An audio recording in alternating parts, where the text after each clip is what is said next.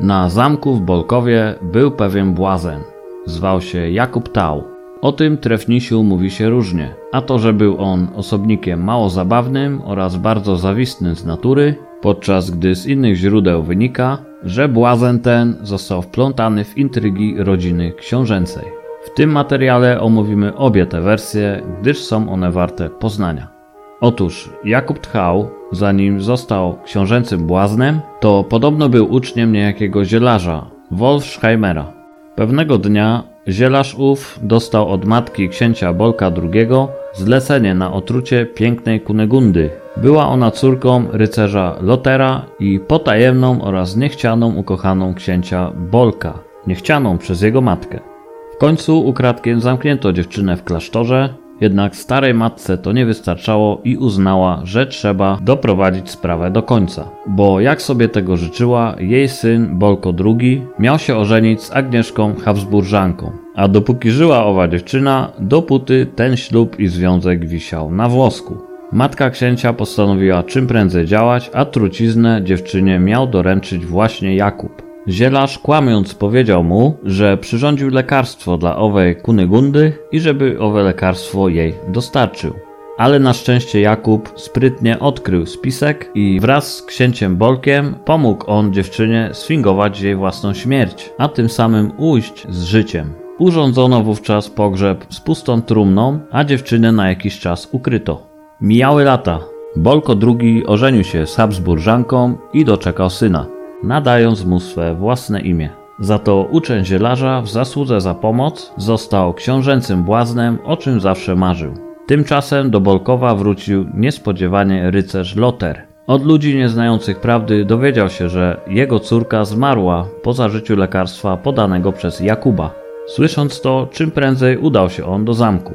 Wjechał na dziedziniec i spotkał niczego nie spodziewającego się Jakuba z młodym księciem u boku. Wściekły na Jakuba rycerz nie zamierzał z nim zbytnio dyskutować, szybko podszedł do niego i wyjął topór, po czym jednym zamachem pozbawił błazna głowy. Nie ma stuprocentowej pewności, czy tak było, gdyż jest to tylko legenda. Jednak w tej wersji zginął on poprzez nieporozumienie. Kilka lat później syn Bolka II zmarł w niewyjaśnionych okolicznościach, co miało przerwać linię rodową Piastów Śląskich.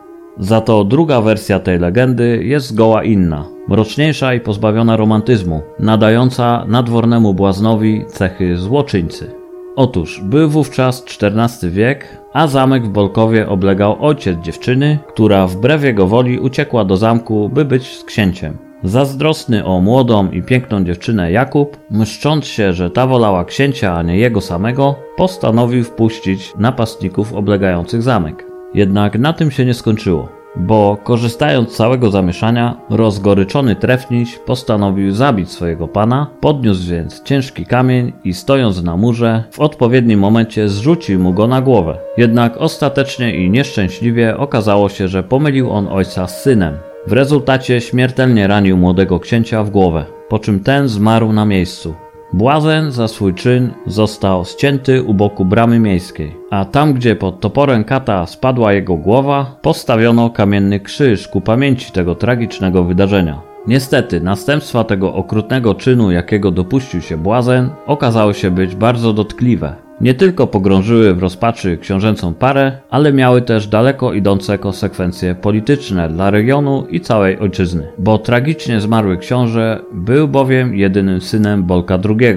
Nie było zatem następcy i gdy ten zmarł, wówczas ziemie Piastów Śląskich przeszły w ręce czeskich Luksemburgów. A co do samego zamku rodziny książęcej, to miał on później dość burzliwą historię, choćby podczas wojny trzydziestoletniej oblężyli go i zdobyli Szwedzi. Później przeszedł on w ręce zakonu cystersów i stał się ich klasztorem. Jednak około 100 lat później był on już własnością państwa. Jednak po pożarze w 1581 roku spowodowanym uderzeniem pioruna nie został on już odbudowany i niestety popadł w całkowitą ruinę. Dziś można zwiedzać jedynie resztki tego, co pozostało z czasów jego świetności. Jednak historia ściętego błazna jeszcze się nie skończyła, bo po śmierci miał dawać on się we znaki każdemu z nowych właścicieli zamku, którzy zawitali w jego mury. Krążą pogłoski, że nawet dzisiaj sprawia, że ze strachu zamiera serce niejednego krążącego tam turysty. Mówi się, że ów sprawca zbrodni powraca na miejsce swojego występku i straszy na murach zamku. Jedna legenda głosi nawet, że paręnaście lat temu pewien mieszkaniec Szczecina tak zachwycił się Bolkowem i samym zamkiem, że postanowił spiąć się na jego mury i spędzić tam noc. Gdy podziwiał księżyc w pełni, nagle na dziedzińcu pojawiła się postać mężczyzny w kosmatej czapce. Jego cień rósł w oczach i gdy urósł tak bardzo, że aż przysłonił wieżę zamkową, wówczas przerażony turysta szybko i dyskretnie zszedł po murze na dół, zabrał nogi za pas i już nigdy do Bolkowa nie powrócił. A skoro już mowa o Bolkowie, to posłuchajcie jeszcze jednej legendy, legendy, która jest upiorna sama w sobie. W tej dawnej warowni, według miejskich podań, straszy nie tylko jeden, ale dwa duchy. I zimą roku 1601, gdy w Bolkowie sprawował władzę Władysław Czetryc, wówczas mieszkańcy miasta i okolicy zaczęli uskarżać się na upiora. Ponoć wchodził nocą do zamkniętych chat, po czym niepostrzeżenie dusił śpiących tam ludzi, wysysając z nich krew. Ze szczególnym upodobaniem napadał na młode dziewczęta, nie pozostawiając w ich ciałach ani kropli życiodajnego płynu. Blady strach padł na całą okolicę i choć ludzie często śmiali się z tych opowieści, to rodzice młodych dziewcząt na wszelki wypadek zamykali na noc szczelnie drzwi i okna. W końcu mieszkańcy, mający już dość terroryzującej ich mrocznej istoty, zwrócili się o pomoc do Czetryca. Ten zaś wezwał do siebie świadków, wysłuchał przerażonych ludzi i jak przystało na wiernego poddanego, oddał sprawę na dwór cesarski w Wiedniu. Wysłał tam nawet specjalnego posłańca z aktami przesłuchań. Wiedeń w odpowiedzi przysłał komisję specjalizującą się w tego typu sprawach niewyjaśnionych i nadzwyczajnych. Na dzień dzisiejszy komisję tę można by przyrównać do słynnej pary agentów od spraw nadprzyrodzonych. Grupa ta miała rozejrzeć się na zamku, po czym określić, co takiego męczy okolicznych mieszkańców. Owi śledczy pracowali bardzo skrupulatnie i pilnie, przykładając się do powierzonego im zadania. Przesiedzieli nawet kilka nocy przy łóżku jednej z dziewczyn wybranej na ochotnika, by zastawić na owe widmo pułapkę i nakryć na gorącym uczynku. Wreszcie śledztwo dało efekt, bo pewnej nocy członkowie komisji w blasku księżyca dostrzegli niejasną, czarną jak smoła sylwetkę. Istota ta poczęła dusić śpiącą dziewczynę. Rozpalono wówczas kaganki, po czym mroczna istota zniknęła tak szybko jak się pojawiła. Nie mogąc niestety pochwycić krwiopijcy, rozpoczęli oni pilne dochodzenie w tym kierunku. I podczas tego dziwnego dochodzenia bardzo szybko okazało się, że rok przed pojawieniem się owego upiora, niedaleko murów zamczyska mieszkała pewna kobieta, która parała się niejasnymi praktykami, a gdy zmarła, pochowano ją w Bolkowie.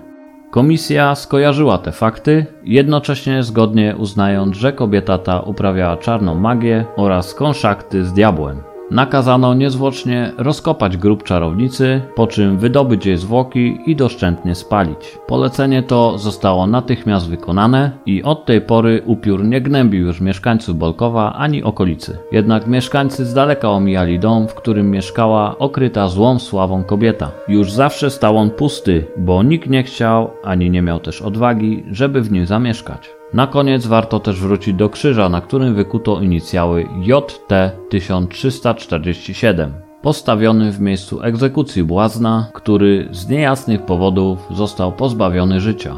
Nie wiadomo do końca, czy był on po prostu nieszczęśliwie zakochany i wplątany w dworskie intrygi, czy może był wyrachowanym, zawistnym złoczyńcą bez krzty godności. Wnioski z tej legendy musicie wysnuć sami, a jak było naprawdę, to już chyba nigdy się nie dowiemy.